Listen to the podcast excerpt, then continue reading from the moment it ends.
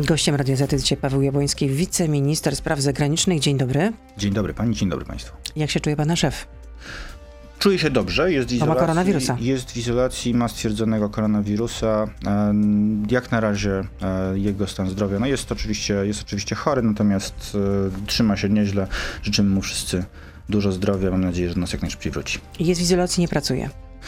Jest y, w zdalnej łączności z nami w pewnym zakresie oczywiście nadzoruje pracę całego ministerstwa, no bo w tak trudnej sytuacji, tak napiętej jak dzisiaj, trudno, żeby, żeby tego nie było. Dopóki stan zdrowia na to pozwala, to minister Rał nad wszystkim trzyma pieczę. Życzymy rzeczywiście szybkiego powrotu do zdrowia. Y, sytuacja na Ukrainie jest bardzo poważna, najpoważniejsza chyba od 30 lat, takie podają opinie. Czy wisi nad nami groźba y, inwazji Rosji na Ukrainę?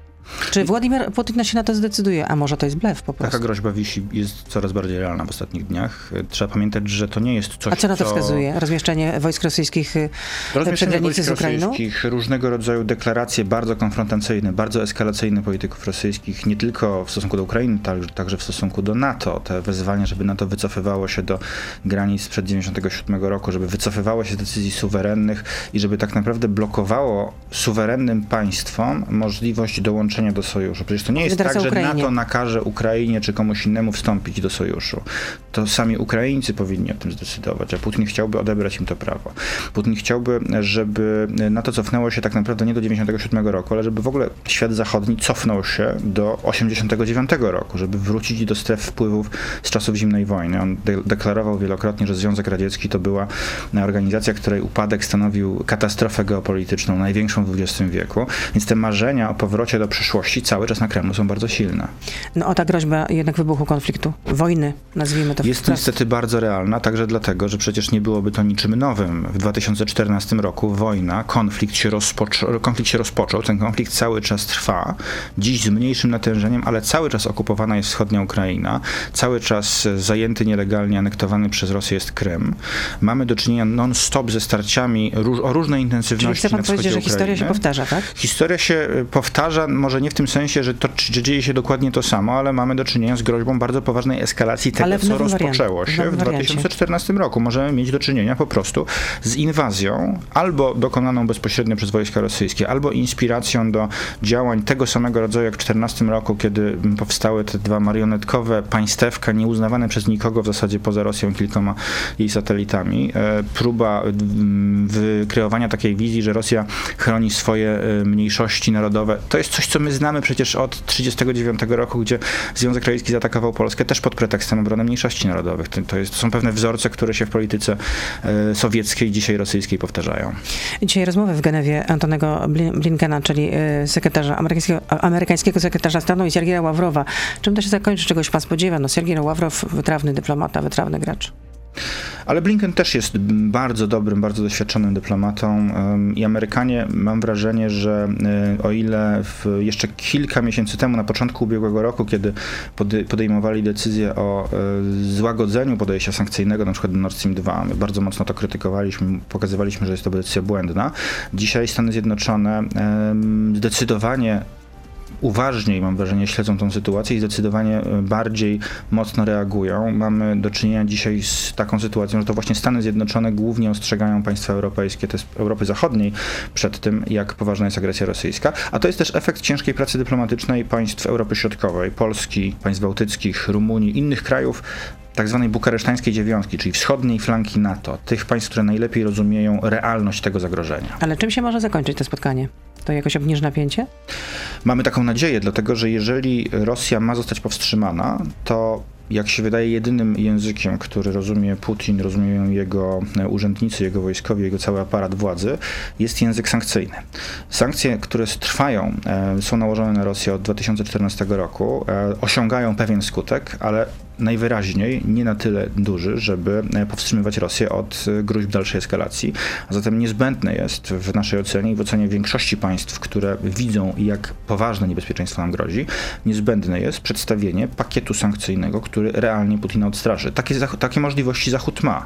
O takich możliwościach otwarcie się mówi.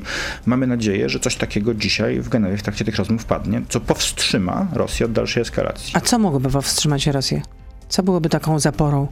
No, jeżeli nastąpiłaby izolacja Rosji y, mm, w, różnego rodzaju systemach, na przykład transakcyjnych, y, jej banków... Rozliczeń międzynarodowych, tak? Od, od rozliczeń w systemie SWIFT, SWIFT-u tak? choćby.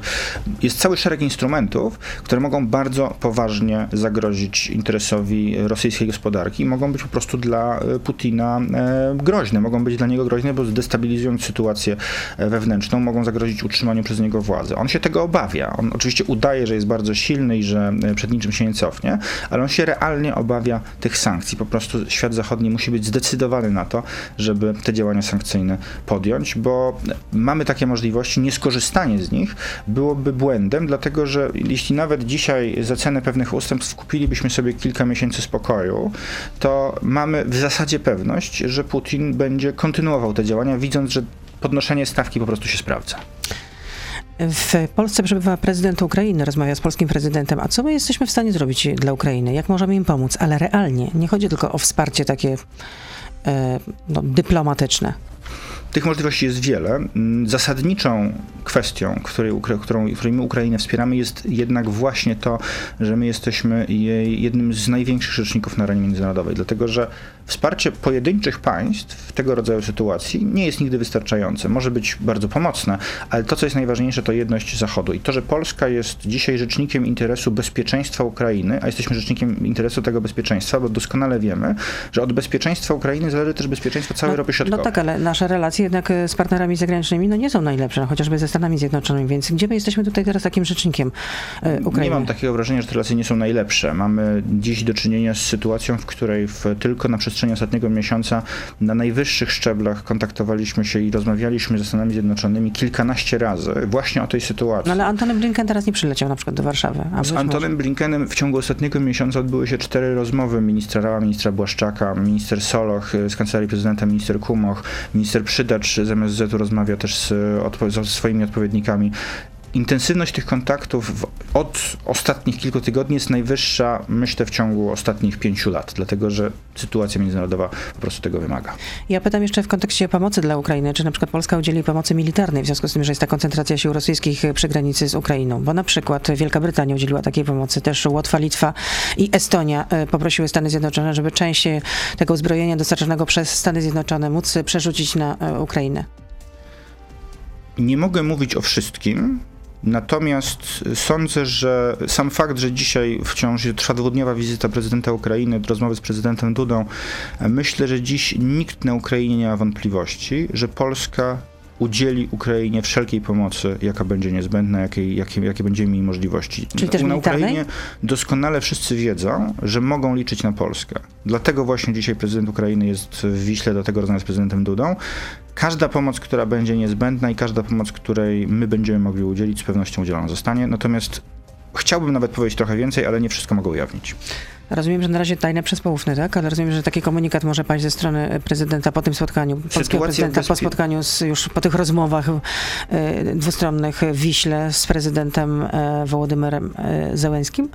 Sprawy bezpieczeństwa mają to do siebie, że mm, są często objęte klauzulami tajności. Nie wszystko można ujawnić opinii publicznej, natomiast w zależności od tego, co postanowią dzisiaj prezydenci, z pewnością mm, będzie mm, ujawnione w komunikacie, a sądzę, że na przestrzeni kolejnych dni, obyśmy nie mieli takiej potrzeby, oby doszło do tego, że ta sytuacja się uspokoi, że Rosja wycofa się ze swoich działań, które po prostu łamią prawo międzynarodowe i na to przede wszystkim najbardziej liczymy. To tyle w części radiowej. Pan minister e, Paweł Jabłoński oczywiście z nami zostaje. Jesteśmy na Facebooku, na Radio ZPL, na YouTube, więc proszę zostać z nami. Beata Lubecka, zapraszam. A na ile ta sytuacja jest groźna dla, dla Polski? Jest bardzo poważna, jest bardzo groźna, dlatego że jeśli mielibyśmy do czynienia z konfliktem zbrojnym państwie, które z nami sąsiaduje, to mm, w sposób bezpośredni oddziałuje także na nasze bezpieczeństwo. Zarówno poprzez zbliżanie się tych działań, potencjalnych działań zbrojnych do naszych granic, jak i także efekty pośrednie, to znaczy wpływ takich działań na przykład na sytuację ludności cywilnej, e, wpływ na inne państwa sąsiednie, na przykład na Białoruś, to co tam się będzie działo. My przez ostatnie miesiące mierzyliśmy się z atakiem na naszą granicę wschodnią ze strony reżimu Łukaszenki. Niewykluczone, że on będzie chciał e, tą destabilizację i skupienie uwagi świata na Ukrainie wykorzystać także do tego, żeby ten atak na naszą granicę ponowić. Czyli dla nas to też jest bardzo groźna sytuacja. W takim razie, czy to nie powinno być tak, że jednak e, powinny być rozmowy ponad podziałami, również z opozycją? Czy pan prezydent nie powinien zwo zwołać Rady Bezpieczeństwa Narodowego w takiej sytuacji, w sprawie sytuacji na Ukrainie? Nie wykluczam, że takie rozmowy powinny się odbyć. Myślę, że to mogłoby być, mogłoby być nawet pomocne. Ja liczę przede wszystkim na to, że żaden polityk ani opozycji, ani, ani koalicji nie będzie wykorzystywał tej sytuacji bezpieczeństwa do po prostu walki politycznej, do tego, żeby swoich oponentów w jakiś sposób pognębić, bo w tej sprawie powinniśmy wszyscy mówić jednym głosem. To jest sprawa bezpieczeństwa całego naszego państwa. Wykorzystywanie tego rodzaju wydarzeń, a mieliśmy z tym do czynienia niestety w, w lecie i późną jesienią, E, w związku z granicą z Białorusią, wykorzystywanie tego rodzaju wydarzeń do walki politycznej wewnętrznej po prostu nie powinno mieć miejsca.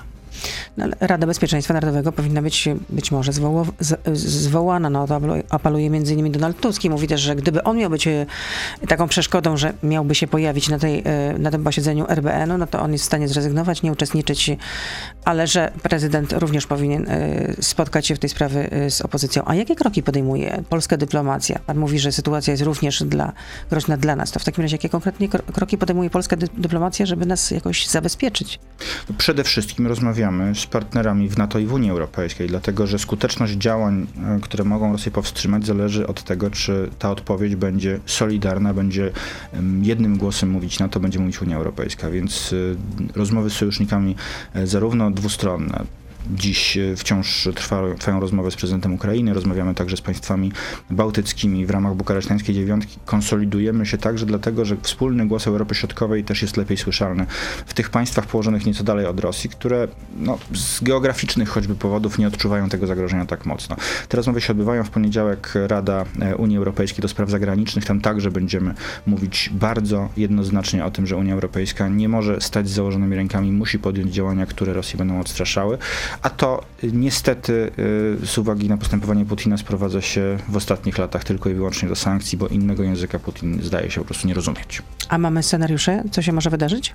Mamy różne scenariusze, przewidujemy, że e, mogą, może wydarzyć się kilka wariantów. Ten najbardziej prawdopodobny jest taki, że będziemy mieć przez, e, że w kolejnych dniach będziemy mieć także e, niestety coraz poważniejsze kroki eskalacyjne, może dochodzić do incydentów, najpierw drobnych, potem, potem poważniejszych. Trudno powiedzieć dokładnie na co Rosja się zdecyduje, bo to też zależy od tego, na co zdecyduje się świat zachodni. Czy będzie jednoznacznie wyrażony, jednoznacznie wyrażone ostrzeżenie dla Putina, że jakikolwiek krok, jakakolwiek inwazja na Ukrainę, większa czy mniejsza, że ta inwazja po prostu będzie natychmiast spotkać się z odpowiedzią sankcyjną. A gdyby doszło do ataku na Ukrainę, nie daj Bóg, to Polska jest gotowa na przyjęcie uchodźców z Ukrainy? My w 2014 roku, kiedy wybuchła wojna rosyjsko-ukraińska, kiedy Rosja zaatakowała Ukrainę, zajęła Krym, de facto doprowadziła do okupacji wschodniej Ukrainy, my wówczas przyjęliśmy z Ukrainy od tamtego momentu według różnych szacunków od 1,5 do 2 milionów ludzi. To są ludzie, którzy przyjechali do Polski w różnych formach, w różnych procedurach prawnych. Zdecydowana większość skorzystała z tej najłatwiejszej procedury, czyli po prostu skorzystała z możliwości zatrudnienia. Ale czyli według, migracja zarobkowa. Migracja zarobkowa formalnie, ale według raportów ONZ od 2014 roku na Ukrainie było ponad 3,5 miliona uchodźców. Część to byli uchodźcy wewnętrzni, a część uchodźców y, przeniosła się do, na terytorium innych krajów, w tym także kilkaset tysięcy trafiło do Polski. Nawet jeśli oni formalnie nie starali się o status uchodźców, bo po prostu procedura statusu uchodźców jest dużo bardziej złożona uznali, że łatwiej będzie skorzystać z tej procedury powierzenia e, miejsca pracy cudzoziemcowi, to też ich powodem wyjazdu bardzo często była sytuacja wojenna, bo to spora część ludzi pochodzi z Donbasu, z Ukrainy Wschodniej. I w dalszym ciągu ta gotowość po naszej stronie pozostaje. Każdy, kto będzie się czuł zagrożony, jeśli te procedury są w dalszym ciągu utrzymywane, Ukraińcy cały czas bardzo licznie do Polski przybywają, My jesteśmy dzisiaj, myślę, że najważniejszym sojusznikiem Ukrainy w całej Unii Europejskiej i to się nie zmienia. Jest pytanie od słuchacza Maciej pyta, czy pogratulował pan węgierskiemu MSZ-owi, mm, czy też raczej szefowi tegoż MSZ-u, orderu przyjaźni od Rosji? Nie, nie gratulowałem. Nie mamy takiego zwyczaju, żeby gratulować e, innym państwom e, czy przedstawicielom innych państw orderów przyznawanych przez inne państwa. Ale wie pan o czym mówię? Rosyjski order przyjaźni, jedno z najważniejszych e, odznaczeń, jeśli chodzi o, o naszego wschodniego sąsiada i ten, to oznaczenie zostało wręczone ministrowi spraw zagranicznych Węgier za rozwijanie rosyjsko-węgierskich relacji. Nie gratulujemy innym politykom, tak samo nie gratulowaliśmy Gerardowi Schröderowi tego, że dostał pracę w Gazpromie, ani pani tak Karin Kneissl nie, nie, gratulowaliśmy, że dostała pracę, tak ani, tak dawno, ani francuskim politykom.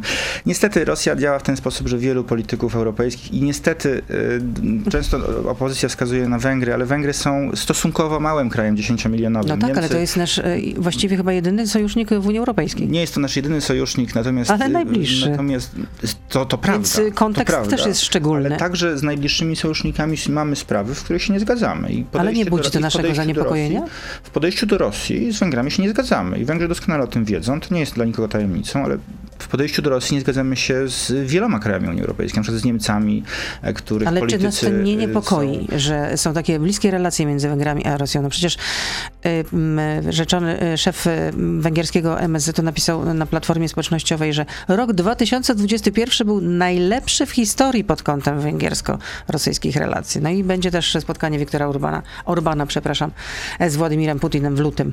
Jeżeli pani pyta, czy nas to nie niepokoi, to mm. mnie dużo bardziej niepokoi to, co robi w relacjach z, Ros z Rosją rząd niemiecki. Niemcy są państwem zdecydowanie e, silniejszym, mocniejszym, mającym dużo większy wpływ na to, jak działa Unia Europejska. I jeśli e, politycy niemieccy podejmują decyzję, żeby mimo tego, co dzieje się dzisiaj na Ukrainie, co dzieje się od lat e, w polityce rosyjskiej, łamania prawa międzynarodowego, żeby nadal dogadywać się z Putinem, robić z nim interesy gazowe, zagrażające bezpieczeństwu Europy, to to jest coś, co rzeczywiście budzi niepokój. To, że ale Węgry też mają przecież interesy order, gazowe z Rosją. Ja tego nie pochwalam, ale jednocześnie nie, nie stanowi to zagrożenia dla bezpieczeństwa całej Europy, a Nord Stream 2 takie zagrożenie stanowi. Paweł Jaboński, wiceszef polskiego MSZ-u jest z nami. Mm, Mark Brzeziński, nowym ambasadorem Stanów Zjednoczonych w Polsce. Czy w Alei Szucha, gdzie mieści się siedziba MSZ-u, jest, zapanowała radość z tego powodu? My się bardzo cieszymy z tego, że Stany Zjednoczone będą miały y, ambasadora. Ta procedura trwała bardzo długo z uwagi na kwestie polityki wewnętrznej. Senat amerykański wstrzymywał y, nominację bardzo wielu ambasadorów y, z uwagi na pewien wewnętrzny konflikt polityczny między, między Senatem a Ale my chyba też trochę tam jednak się mieliśmy jakieś przeciw, można powiedzieć. Nie, nie, to, czy to, była, to była jakaś kompletna kaczka dziennikarska. Ta procedura trwała całkowicie standardowo, to trwało kilka tygodni. Są absolutnie w standardach się mieściło, jeśli chodzi o czas przyznania agremą ambasadorowi. Natomiast on później czekał prawie pół roku na zatwierdzenie przez Senat. I to tak naprawdę spowodowało, że to się tak mocno opóźniło. Bardzo dobrze, że ambasador przyjedzie, bardzo dobrze, że będziemy mieć relacje na szczeblu, na szczeblu właściwym, bo kierownikiem placówki powinien być po prostu ambasador. Czyli radość w Alei Szucha. Oczywiście, cieszymy się z każdego ambasadora, z każdego państwa, który, e, który reprezentuje e, w Warszawie ambasador, bo na tym powinny polegać stosunki międzynarodowe, że właśnie szefem placówki powinien być ambasador, a nie jego zastępca. No Mark Brzeziński, wiadomo, syn e, Zbigniewa Brzezińskiego, który był doradcą do spraw bezpieczeństwa prezydenta Jimmy'ego Cartera. Więc takie to są też konotacje, ale czy nowy ambasador mógłby być naszym orędownikiem w Waszyngtonie u Joe Bidena. No nie, no, no nie, nawet nie powinien. Ambasador nie powinien być orędownikiem państwa, w którym urzęduje, tylko Takie państwa, które reprezentuje. w polskiej prasie, no, to, że byłoby to wskazane. To świadczy to o niezrozumieniu roli ambasadora, bo ambasador reprezentuje swoje państwo i swój rząd. To, to nie jest tak, że ambasador Magierowski będzie w Stanach Zjednoczonych orędownikiem rządu amerykańskiego. To, to działa w odwrotną stronę. Ambasador Magierowski reprezentuje nas w Waszyngtonie, ambasador Brzeziński będzie reprezentował Stany Zjednoczone w Warszawie, zgodnie z najlepszymi praktykami dyplomacji. Każdy ambasador wykonuje instrukcje swojego rządu. A to będzie lepszy ambasador Stanów Zjednoczonych w Polsce niż Georgette Mosbacher? No, to już ocenią Amerykanie, to, to będzie od Nominatka Donalda Trumpa? To już będzie zależało od tego, jak Amerykanie to oceniają. No, ale rolą, z naszej rolą, strony. No, ale rolą polskiego MSZ nie jest y, wystawianie recenzji czy, czy, czy, czy cenzurek ambasadorom innych państw. Możemy oceniać, czy nam się dobrze, czy, czy źle współpracuje z poszczególnymi ambasadorami, bo róż, różni ambasadorowie bywają na różnych placówkach, ale e, nie komentujemy tego, bo to jest zawsze suwerenna decyzja państwa, które ambasadorowie Przynajmniej nie, oficjalnie nie komentujemy. Georgette Mosbacher była znana z tego, że jak lwica broniła amerykańskich interesów. Tak, no, na tym polega rola amerykańskich korporacji, biznesów, wolności słowa również. No bo w amerykańskim Senacie Mark Brzeziński stawiał sprawę jasno, nie owijał w bawełnę. Zapewniał polityków, że na stanowisku ambasadora będzie dbać o praworządność, prawa człowieka i prawa osób LGBT+. Bardzo dobrze, że, dba, że trzeba dbać o praworządność, trzeba dbać o prawa człowieka, o prawa wszystkich ludzi, niezależnie od ale orientacji. Pan teraz mówi na ale okrągło. No, ja, się, ale ja, nie, ja nie mówię na okrągło, ja, ja mówię dokładnie to samo, co mówi ambasador amerykański, bo my się z tym w pełni zgadzamy. Trzeba przestrzegać prawa, trzeba przestrzegać praworządności, wolności słowa, praw człowieka. Nie ma co do tego między nami sporu. To, że e, politycy naszej opozycji e, stawiają e, tego rodzaju chochoły, że w Polsce te wartości są zagrożone, no to jest ich polityczne prawo. Natomiast my mamy wrażenie, szczerze mówiąc, że tego rodzaju taktyka polityczna, którą oni od lat e, sobie przyjęli, niespecjalnie się sprawdza. Mamy nadzieję, że jednak stopniowo będą od niej odchodzić. No jednak te manewry wokół Lex TVN były dość znaczące i to też zdaje się było kość niezgody w relacjach e, z Amerykanami. No to był pewien spór, natomiast ja w dalszym ciągu uważam, ta ustawa, może ona nie była doskonała, natomiast mamy do czynienia dziś z sytuacją, w której e, następuje w zasadzie omijanie prawa. Mamy w przepisach jasny, jasny, jasny przepis w ustawie radiofonii i telewizji, który mówi o tym, że spółka, która ma koncesję powinna być spółką zarejestrowaną w Unii Europejskiej. No jeżeli właściciele z innych państw obchodzą ten przepis poprzez stosowanie jakichś pośredników, jakichś spółek w hangarze na lotnisku w Holandii, no jest to sytuacja trochę niepoważna. Inne państwa Unii Europejskiej mają bardzo podobne regulacje. Nie jest to nigdzie problemem. W Polsce nagle się stało to problemem, bo zostało też to wykreowane politycznie.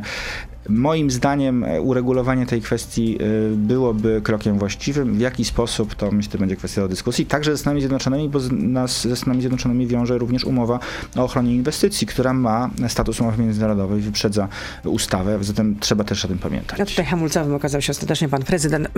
Przepraszam bardzo. A jeśli chodzi o naszą placówkę w Pradze, bo coś chyba nie ma szczęścia za bardzo do ambasadorów. No, ambasador Mirosław Jasiński został e, odwołany, przecież od 20 grudnia objął swoją placówkę, został odwołany za swój wywiad e, w, dla portalu, dla jednego z niemieckich portali, gdzie mówił, że e, tak naprawdę to winę za to, że nie możemy dogadać się w sprawie Turowa z Czechami, to bardziej ponosimy my, że po naszej stronie tutaj zabrakło jednak empatii.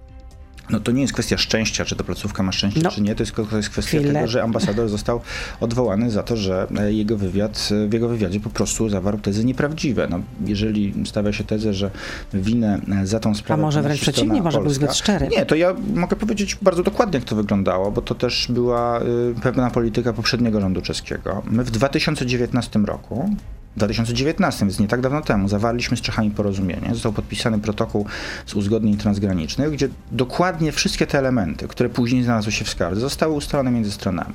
Czesi kilka miesięcy później od tego odeszli, zaczęli te żądania podnosić, wnieśli skargę do Trybunału i jak usłyszeliśmy już na sam koniec tych negocjacji, które no, nie zakończyły się powodzeniem, bo Czesi po prostu tego nie chcieli, usłyszeliśmy, że oni po prostu uznali, że im się to opłaci z wewnętrznych powodów politycznych nie opłaciło się. Rząd Babisza te wybory przegrał, natomiast dziś z nowym rządem staramy się tą sytuację wyprostować. Ale póki co na razie jest fiasko. 19 tura e, rokowań, e, negocjacji no, zakończyła się niczym. No, 19 tura to była tak naprawdę pierwsza tura niespełna tydzień po zaprzysiężeniu nowego rządu, bo w poprzednim tygodniu dopiero nowy rząd został zaprzysiężony. No, ale zakończyła się niczym. Spotkanie odbyło się we wtorek. Mamy dziś pewną nową dynamikę. Jeszcze daleki byłbym od rysowania bardzo optymistycznych scenariuszy, bo jednak bardzo dużo czasu już upłynęło. Natomiast cały czas próbujemy i myślę, że sytuacja jest trochę lepsza, choć znów w dalszym ciągu najwięcej w tej stronie zależy od strony czeskiej, bo my naszą propozycję przedstawiliśmy i tak naprawdę to, czy ona zostanie przyjęta, czy nie, zależy od naszych partnerów. A nie jest tak, że sprawę zawalił na przykład Artur Soboń, który w pewnym momencie jako wiceminister aktywów państwowych, Ministerstwa Aktywów Państwowych negocjował również e, tę sprawę? Nie, tej sprawy nie zawalił nikt po polskiej stronie. Ta sprawa została wykreowana z tego powodu, że ustalenia między nami, ustalenia zawarte w dokumencie, pod którym są podpisy strony polskiej i strony czeskiej, zostały złamane przez stronę czeską. To jest przyczyna tej sprawy. W 2019 roku jest dokument z podpisami obu stron. Jeżeli potem się od tego odchodzi, składa się skargę do Trybunału i mówi się, że no, teraz uznajemy, że możemy żądać więcej, no to świadczy to o pewnej niekonsekwencji, mówiąc najbardziej e, delikatnie, albo nielojalności. Tutaj padały jakieś hasła arogancji z polskiej strony. Myślę, że ta arogancja miała miejsce, jeśli miała miejsce, to na pewno co najmniej po obu stronach. No dobrze, to kiedy My... w końcu dojdzie do tego porozumienia? Że Ma... Czechy wy, wycofają e, swoją skargę Ja, ja mam nadzieję cały czas, że to do tego porozumienia dojdzie, natomiast trzeba też pamiętać, że sprawa w Trybunale zbliża się tak naprawdę do końca. Możliwe, że, że, że skończy się tak, że tego porozumienia nie będzie. Trzeba, trzeba sobie zdawać z tego sprawę, że może być również i takie zakończenie, że tą sprawę rozstrzy- rozstrzygnie Trybunał, bo ta sprawa jest już na bardzo zaawansowanym etapie. Na naszą niekorzyść. Nie jest to wcale przewidziane. Nie jest to wcale powiedziane, że na naszą niekorzyść. Myślę, że wbrew e, różnym opiniom medialnym ta sprawa może się zakończyć e, w sposób całkiem zaskakujący, e, także dla tych, którzy uważają, że kopalnie Turów powinny być zamknięte. Czyli rozumiem, że polski rząd nie jest jakoś specjalnie aż tak zdeterminowany, żeby jednak z Czechami się dogadać, mówiąc kolokwialnie. My uważamy, że w tej sprawie od początku, pod kątem prawnym, mamy po prostu rację. Nie może być tak, że kopalnia jest zamykana tylko z tego powodu, że ktoś stawia tezę niepopartą jakimikolwiek dowodami, że kilka kilometrów dalej może teoretycznie dochodzić do obniżania się poziomu wód, zwłaszcza jeśli w e, okolicy występują inne zakłady, które również prowadzą podobną działalność. No jeśli ktoś stawia taką tezę, to nie powinien, e, to powinien ją albo wykazać w sposób jednoznaczny, albo e, należy zrobić odpowiedni proces dowodowy już w trakcie procesu. Tego w tym procesie po prostu nie było i cały czas utrzymujemy i podtrzymujemy, bo no to, na to mamy także dowody, że e, te skutki, o których mówi strona czeska, są co najmniej wątpliwe. Wracam do swojego pytania wyjściowego, jeżeli chodzi akurat o te kwestie. Y, Kiedy poznamy nowego ambasadora y, w Czechach, w Pradze? Nowego ambasadora Polski? Trwają już poszukiwania? No, poszukiwania nawet nie tyle trwają, co, co poszukiwania w, w dużym stopniu się już zakończyły. Natomiast e, zanim Czyli są nowi ujawnimy- kandydaci? Zanim ujawnimy, kto zostanie ambasadorem, też pewna wewnętrzna procedura musi zostać przeprowadzona. Nie będziemy tego ujawniać, zanim wszystko nie zostanie dokładnie sprawdzone. Natomiast sądzę, Ale że stanie się kandydat? to, sądzę, że stanie się, że opinia publiczna pozna nazwisko kandydata e, dużo szybciej niż wielu by się spodziewało. Na pewno jeszcze w pierwszej połowie tego roku, a myślę, że nawet może i trochę szybciej. Mhm. Czyli jest już kandydat, tak? Czy też kandydatka? Nie mogę mówić, y, że jest kandydat czy kandydatka do momentu, kiedy rzeczywiście nie będzie pewnego procesu wewnętrznego zakończonego, ale możemy powiedzieć, że jest, e, że, że, że są pewni prekandydaci, którzy są sprawdzani i e, w zależności od tego wyniku sprawdzenia i późniejszej decyzji e, właściwych organów przewidzianych w ustawie o służbie zagranicznej, taka osoba zostanie wskazana i przedstawiona prezydentowi jako kandydat na polskiego ambasadora. To proszę chociaż powiedzieć, ilu jest tych prekandydatów? Nie mogę podać liczby, bo to też y, tych, tych pomysłów było na samym początku y, dużo więcej, natomiast dziś ta lista się mocno zawęziła i myślę, że y, znów zdaję sobie sprawę z tego, że wszyscy chcieli poznać to jak najszybciej i, i wiem, że to może się wydawać, że, że to jest długo, ale to od, znowu od, od tej decyzji odwo- od, o, o rozpoczęciu procedury odwołania ambasadora mijają dopiero dwa tygodnie, także jeszcze jesteśmy w pewnym procesie. Dobrze. Ale, pra, ale nie było tam ambasadora od czerwca 2020 roku, z tego co pamiętam. Dlatego mówię, że ta ambasada nie ma szczęścia. A e, poprzednia pani ambasador została e, odwołana przez pana prezydenta w związku z zarzutami o mobbing.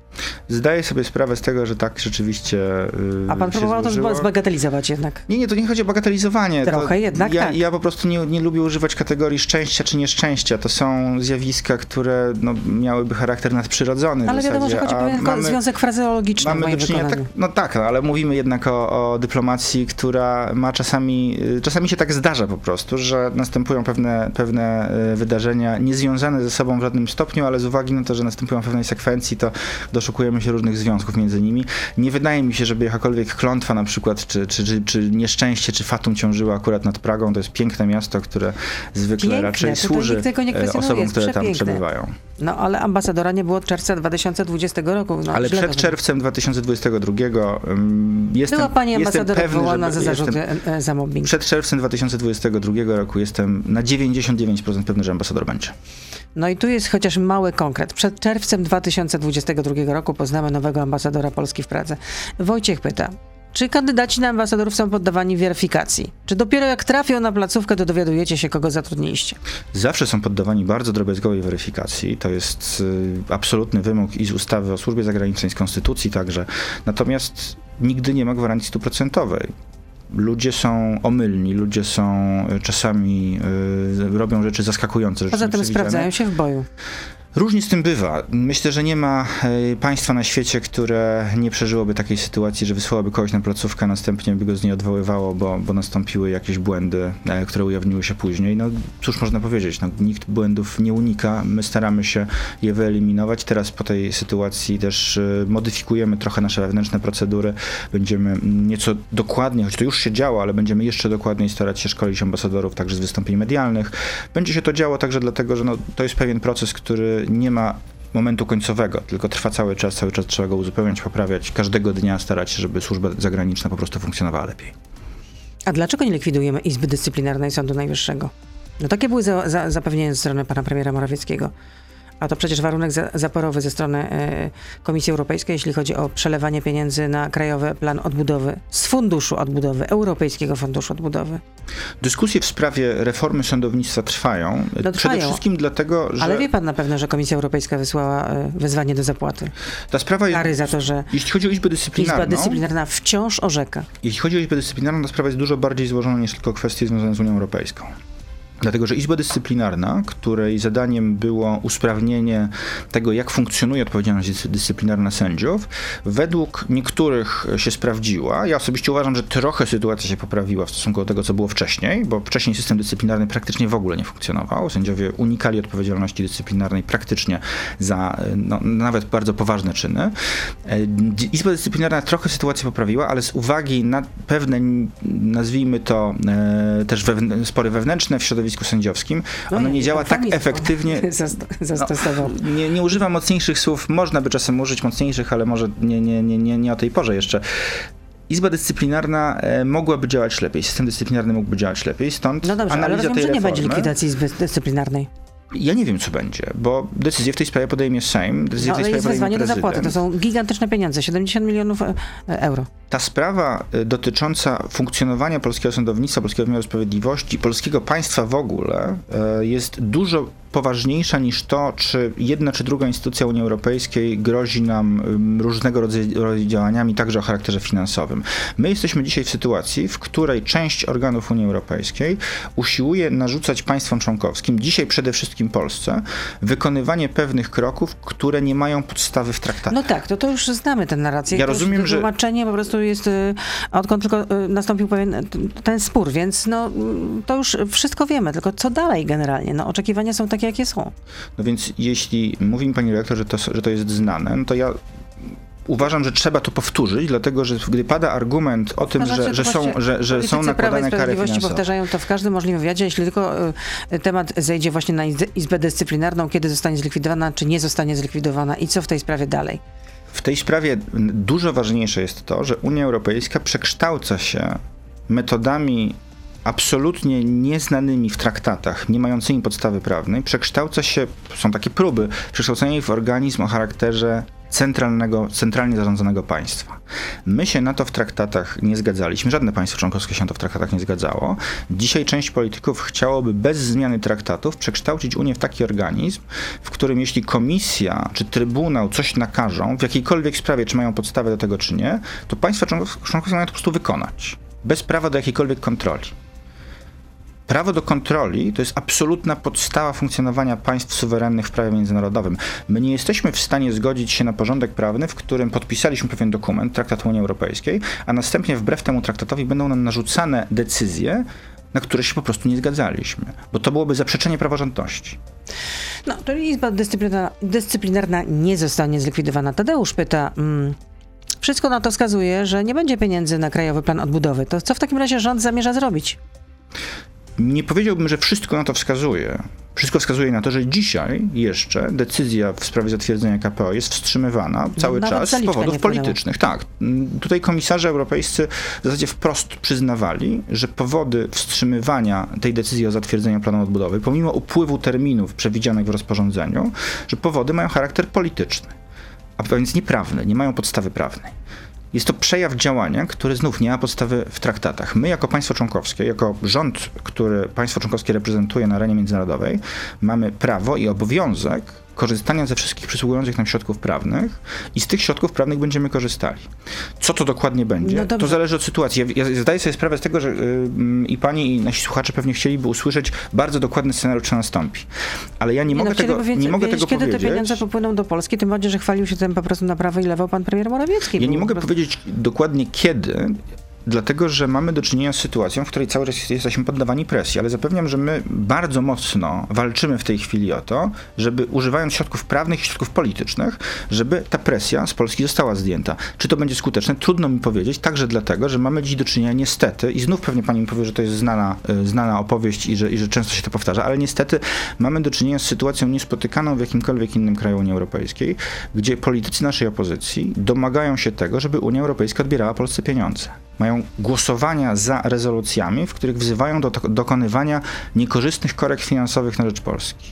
Ale No więc jeśli ktoś za czymś- nie rządzi od e, No, sześciu nie rządzi, lat nie ale rządzi. wpływa na polityków brukselskich, wpływa na instytucje Unii Europejskiej, które w ten sposób uznają, że mają legitymację do działania, bo mówią, rząd mówi swoje, ale oni reprezentują także inną część obywateli Polski i komisja I występuje. jest opozycja. Opozycja jest niestety inspiratorem tych działań. Żadne inne państwo nie ma takiej sytuacji. No ale prawda jest taka, że narażacie Polskę na e, gigantyczne kary i, i ludziom się to, przynajmniej części się bardzo to nie podoba. Jest tutaj e, również pytanie od słuchacza, e, od Radka, że panie ministrze, no jak wam nie wstyd, że marnujecie codziennie tyle naszych pieniędzy na kary z Unii Europejskiej? Znowu, jeśli mówimy o kwocie kar, trzeba ją postawić na jednej szali, na drugiej scenariusz alternatywny. Moglibyśmy na przykład nie płacić kary za em, kopalnię torów, moglibyśmy mm, po prostu uniknąć tej sytuacji, gdybyśmy tą kopalnię zamknęli. Czyli ograniczylibyśmy Ale przecież nie płacimy. możliwość, no tak, ale moglibyśmy po prostu uznawać, że tej sprawy nie ma. Jeśli chcielibyśmy pozbyć się tego e, sporu z agendy, to moglibyśmy po prostu uznać, dobrze, zamykamy kopalnię, tak jak chcieli politycy opozycji, że należy, że należy kopalnię zamknąć. Czyli zmniejszamy nasze bezpieczeństwo energetyczne, pozbawiamy pracy kilkanaście tysięcy ludzi na Dolnym Śląsku. Być może politycy opozycji uważają, że to jest właściwa droga. My uważamy, że w interesie Polski jest kontynuowanie pracy kopalni, kontynuowanie pracy elektrowni i walka, korzystanie ze środków prawnych i politycznych, żeby ten spór rozwiązać, nawet jeśli to chwilę potrwa. No to tyle. Pan minister, wiceminister spraw zagranicznych Paweł Jabłoński był z nami. Życzę zdrowia przede wszystkim. Dziękuję bardzo. I ja także. żelaznej odporności. Dziękuję. Wszystkiego dobrego. Dobrego Dobrego, dnia. dobrego dnia. To był gość Radia Z. Słuchaj codziennie w Radio Z i na player radioz.pl.